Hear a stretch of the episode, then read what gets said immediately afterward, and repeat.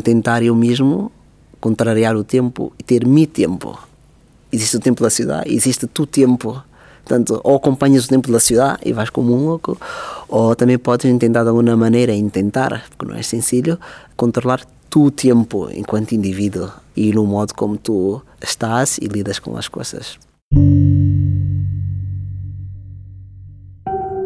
Fons. Obres de la col·lecció MACBA explicades pels artistes. Carlos Bunga. Os vídeos, os vídeos que temos na coleção, um, o interessante destes quatro vídeos é que um, me gusta a sensação de mirar estes vídeos como o início de um processo de trabalho. Estes vídeos surgem no momento em que eu era estudante, num contexto universitário, e surgem antes das construções de cartão, digamos assim, ou das instalações.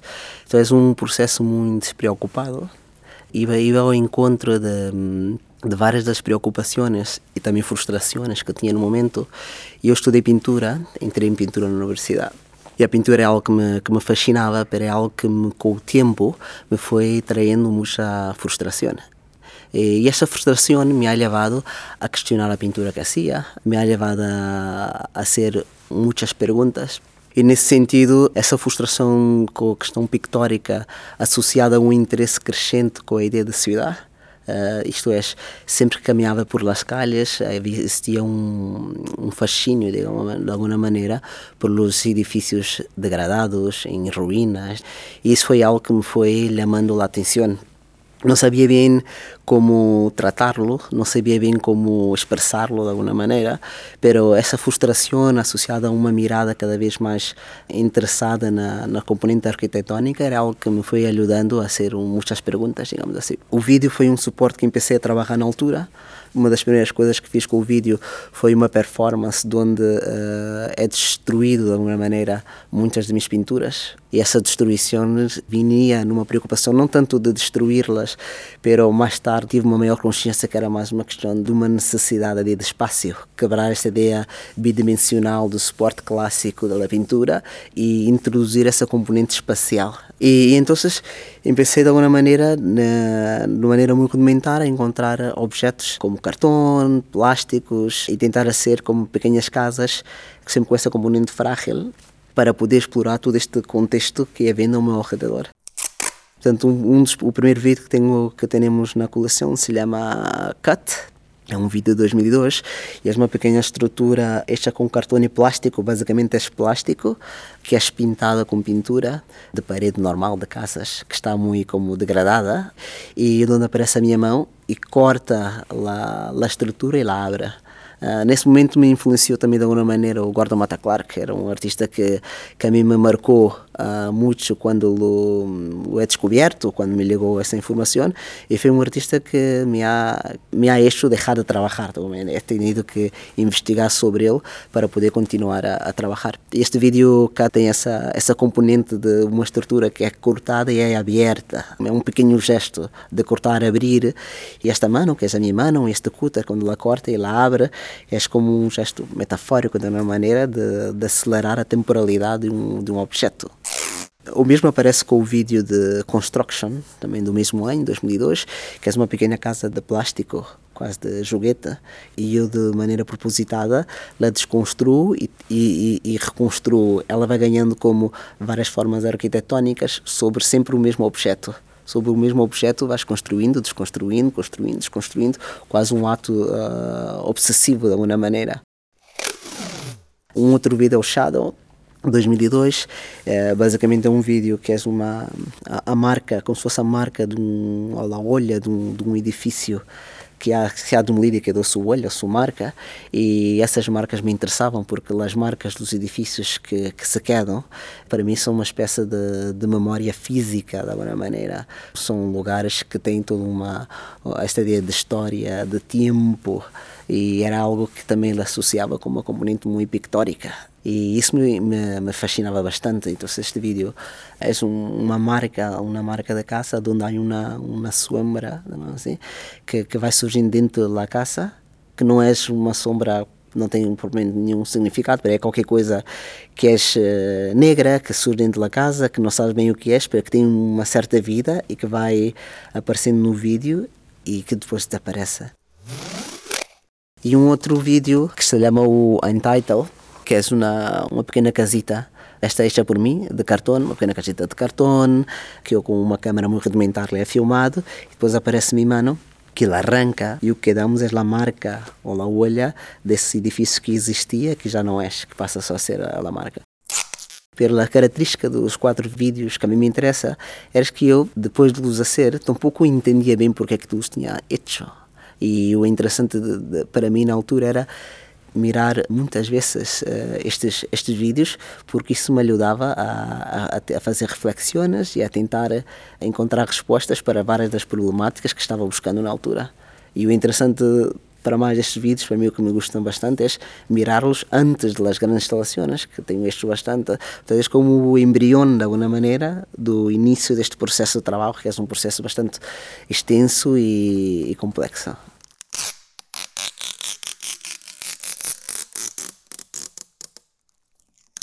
Desde o laboratório é um espaço de, de, experimentação.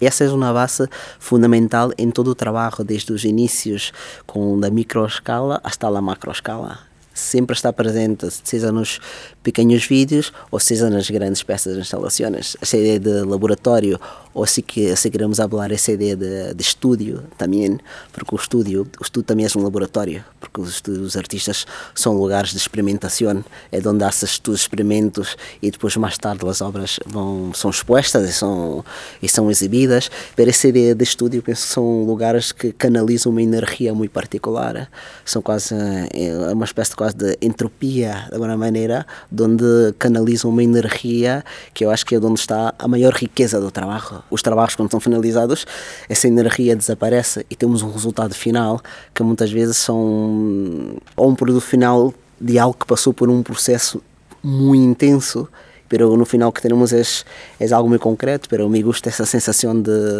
de laboratório, essa sensação de, de, de experimentação. A maqueta é um conceito e és, uma, és um objeto criado para que projete uma ideia, és uma possibilidade, se concretiza para poderes visualizar algo que vai ser posteriormente construído outro material, pero concebes as, as maquetas ou os dibujos para, uh, para uh, potencializar a ideia. E a mim me interessava a ideia de maqueta, essa ideia potencializadora de algo, pero ter esses mesmos componentes numa escala mais grande. não me interessava tanto uh, trabalhar no, como um componente convencional de edifícios com o tipo de materiais, mas me interessava continuar uh, a ter esse, esses materiais sensílios, como o cartão, como a pintura, numa escala mais grande. E de alguma maneira, essas instalações que hago são uma espécie de maqueta a grande escala. Nós outros, quando miramos as maquetas ou a pintura, sempre temos uma atitude de alguma maneira contemplativa é sempre esta coisa de que tu uh, miras um objeto, é sempre a mesma sensação como contemplativa, pero a, sensação cambia quando quando ela é uma quando ela te envolve, não? quando tu podes entrar nela e entrar nesse nesse espaço enquanto potencialidade de uma ideia. A ideia do tempo é fundamental também por, por, por várias coisas. Quando hago um projeto site específico, existe um deadline, existe um tempo específico. Estamos a falar de um, de um tipo de trabalho ou de um projeto onde não existe uma planificação flexível e aberto. Sempre quando trabalho no espaço existem dificuldades uh, físicas, uh, limitações físicas, sempre tenho muitos problemas, muitos de diferentes ordens, né, distintas ordens. E ter um projeto, trabalhar com estas características de não teres um plano uh, prévio, és uma maneira de seres flexível para lidares com as limitações problemáticas que sempre encontras nos espaços. E sim que é verdade que, que, essa ideia de corpo é algo que está presente, é algo que a mim me interessa, porque normalmente as coisas las hago eu, las hago de maneira física, nas instalações, uh, atualmente posso trabalhar com uma ou duas pessoas, mas me parece ser muito, muito importante estar presente porque existe uma componente quase artesanal, podemos falar assim, uma componente artesanal, quase uma ideia quase meio romântica, podemos falar, em comparação com outros artistas que têm que são como mais como designers, arquitetos que, que projetam as ideias e que depois têm todo um, um dispositivo, uma equipe que eles concretizam essas ideias. Existe um, uma definição que sempre me encanta, que é do Walter Benjamin, quando falava do aqui e agora. Não? Eh, esta ideia do Benjamin, do aqui a hora, é qualquer coisa que acontece naquele momento hora e neste momento, com um deadline. Portanto, os projetos existem quando vou realizar um projeto, existe um timing, em fechas, tenho, não sei, uma semana, duas semanas para desenvolver algo e eu tenho que cumprir eh, essas fechas. Por outro lado, assumo e aceito que o projeto funciona dentro de um conceito de laboratório. É meu estúdio, é lugar da exposição, tomo todas as decisões, assumo os acidentes, as limitações físicas, tudo acontece nesse, nesse processo e é uma questão realmente muito como, como mental, não? Assim, uma coisa muito, muito, muito mental, onde tomo todas as decisões. Esta ideia de tentar ser mais, mais aberto, de tentar aprender, de alguma maneira, vai ao encontro desta palavra que eu posso dizer que não é. Pero pode ser uma palavra que é como esta uh, humildade. Tens a humildade de assimilar e de aceitar o que vais encontrar no lugar. Por isso é fundamental esse contacto físico com, com os lugares.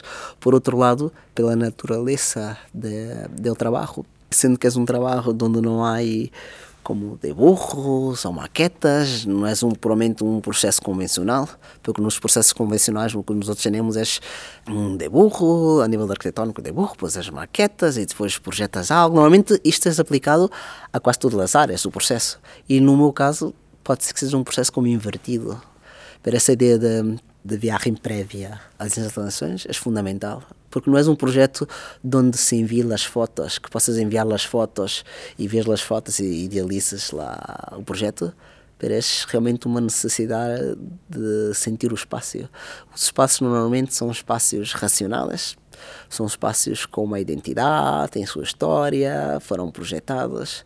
E o que hago com todos os espaços é tentar senti-lo, tentar de alguma maneira que o espaço tenha um sentido mais orgânico e que possas senti-lo. Para mim é importante sentir o espaço, que já não é tanto uma questão racional que ela está, mas essa ideia de poderes sentir-lo, a temperatura do espaço, é, é muito, muito importante para desenvolver o projeto sentir como funciona, tocar-lo.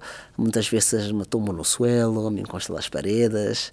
É algo ah, um pouco primitivo, podemos falar assim, no sentido de que nós outros somos muito racionais, mas existe uma série de sentidos que temos que não utilizamos. E, e me gusta essa sensação de alguma maneira de utilizar a racionalidade que ela está presente, mas esta ideia de, de sentir, eu acho que é fundamental. Em 2008 estava eu em Nova York e desenvolvi um, trabalho, uma peça, que é uma fotografia de mim mesmo em New Jersey. Atrás de mim temos o Rio Hudson e temos uh, uh, Wall Street. E sobre minha cabeça pintei uma estrutura, umas, umas casas ou umas arquiteturas. E a esse trabalho de fotografia, pintura, eu chamei Sou um Nómada. Esta ideia de nomadismo Uh, vai ao encontro de, de las viagens que desde 2004 tenho hecho. E eu, ao terminar a universidade, uh, em 2003, e depois da manifesta, em 2004, uh, saí de Portugal e saí e andei vivendo em vários países. Uh, he hecho várias residências. E essa ideia de, de estar em constante viagem é algo que me ha traído várias coisas.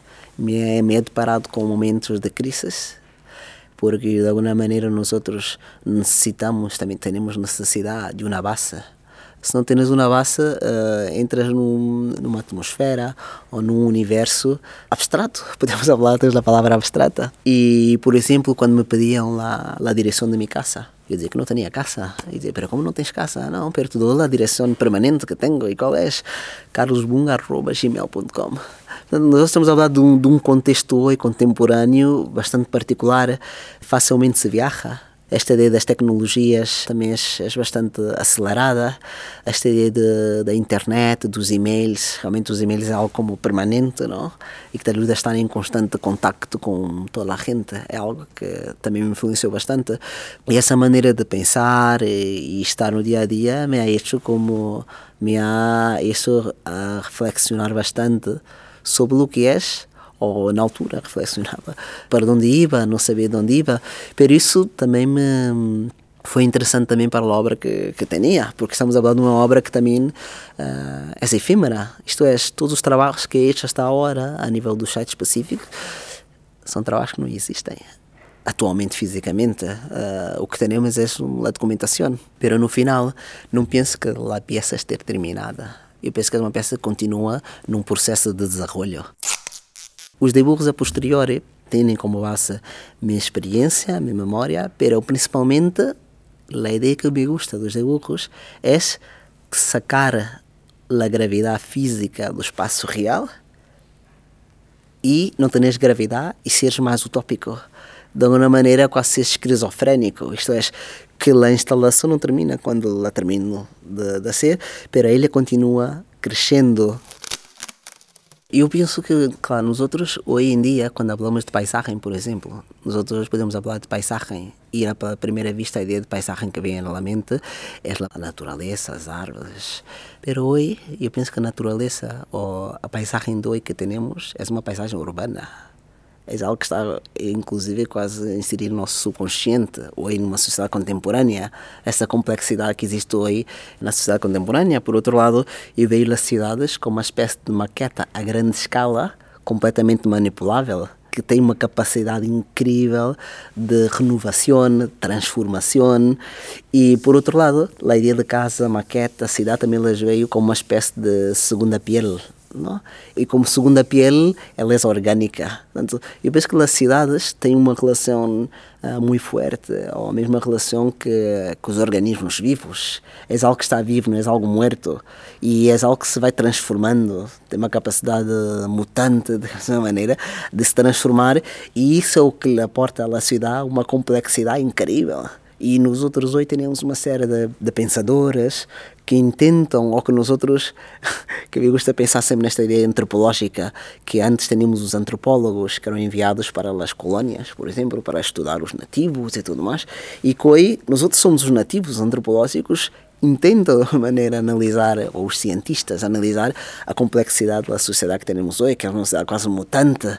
Ou os arquitetos são, são indivíduos que, que projetam os edifícios de onde vivemos nós outros e projetam com fins políticos, uh, muitos deles. Não? Existe uma, uma consciência política e, e os edifícios transmitem uma sensação propositada, estudada e fundamentada. Isto é, há muitos edifícios são feitos para te transmitir a ti, enquanto indivíduo, uma sensação e te imponer certas normas e certas regras.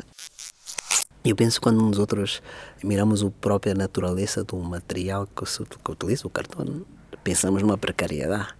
Mas essa precariedade não é uma precariedade periférica, é uma precariedade general, isto é, a ideia de precariedade, a ideia de transitoriedade é algo que está implícita, tanto seja ao centro como à periferia. Portanto, a ideia do cartão, eu sempre digo que a ideia do cartão, que eu utilizo o cartão, mas não hablo do cartão. O cartão é um, é um meio que me possibilita e ajuda a, a desenvolver uma série de conceitos que estão implícitos na própria arquitetura, de alguma maneira. E existe sempre uma certa tendência de, de, de mirarmos construções arquitetónicas frágeis, degradantes, como uma questão periférica. E isso sempre olhamos como uma espécie de.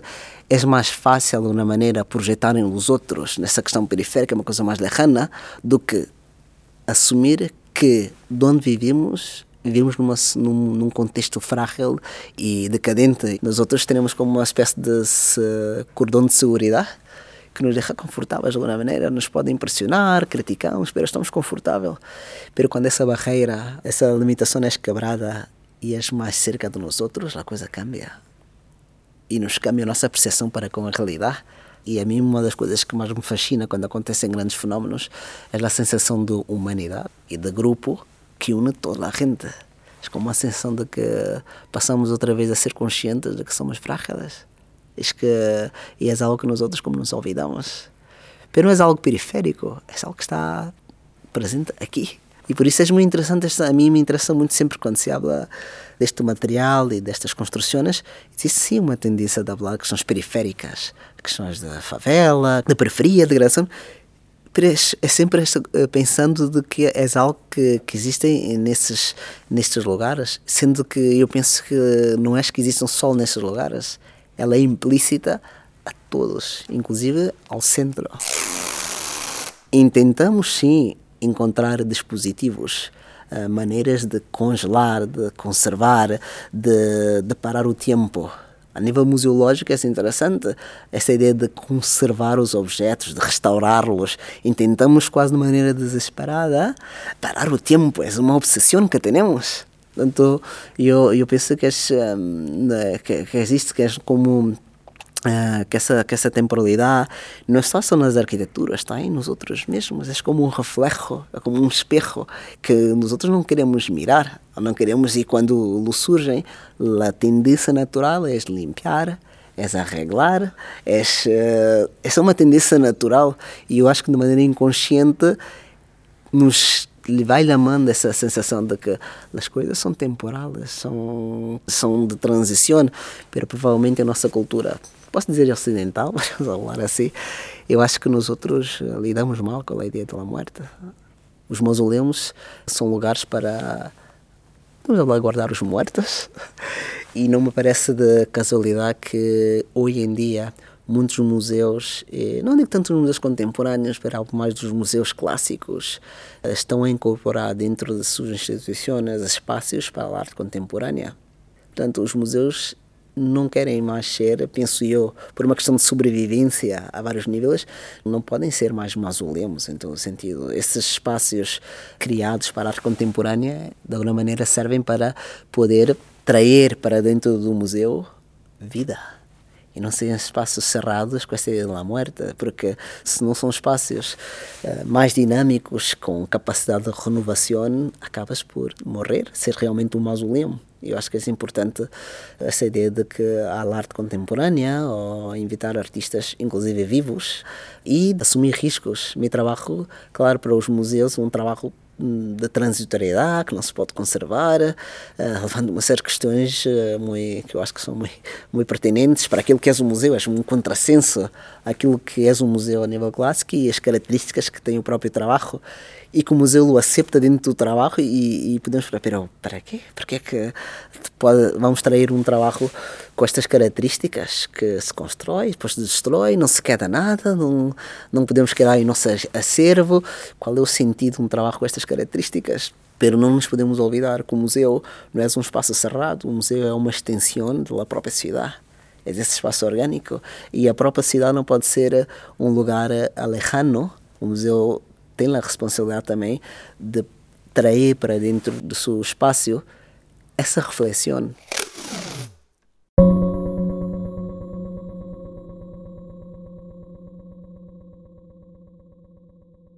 Há projetos, por exemplo, específicos como o da Bienal de São Paulo, em 2010, que, por exemplo, a dar um exemplo, que me haviam dado um espaço uh, na Bienal para trabalhar do edifício e uma semana antes me cambia de espaço, me dão lá a rampa da Bienal, este o edifício do Ibirapuera, me dão a rampa e idealizo um projeto para essa rampa, uh, idealizo, me adapto a essa rampa que serão, tinha 35 metros de largo e empecei a ser um projeto, comecei a construir numa parte, construir uh, da outra, queria ser uma espécie de, de túnel, uh, assim.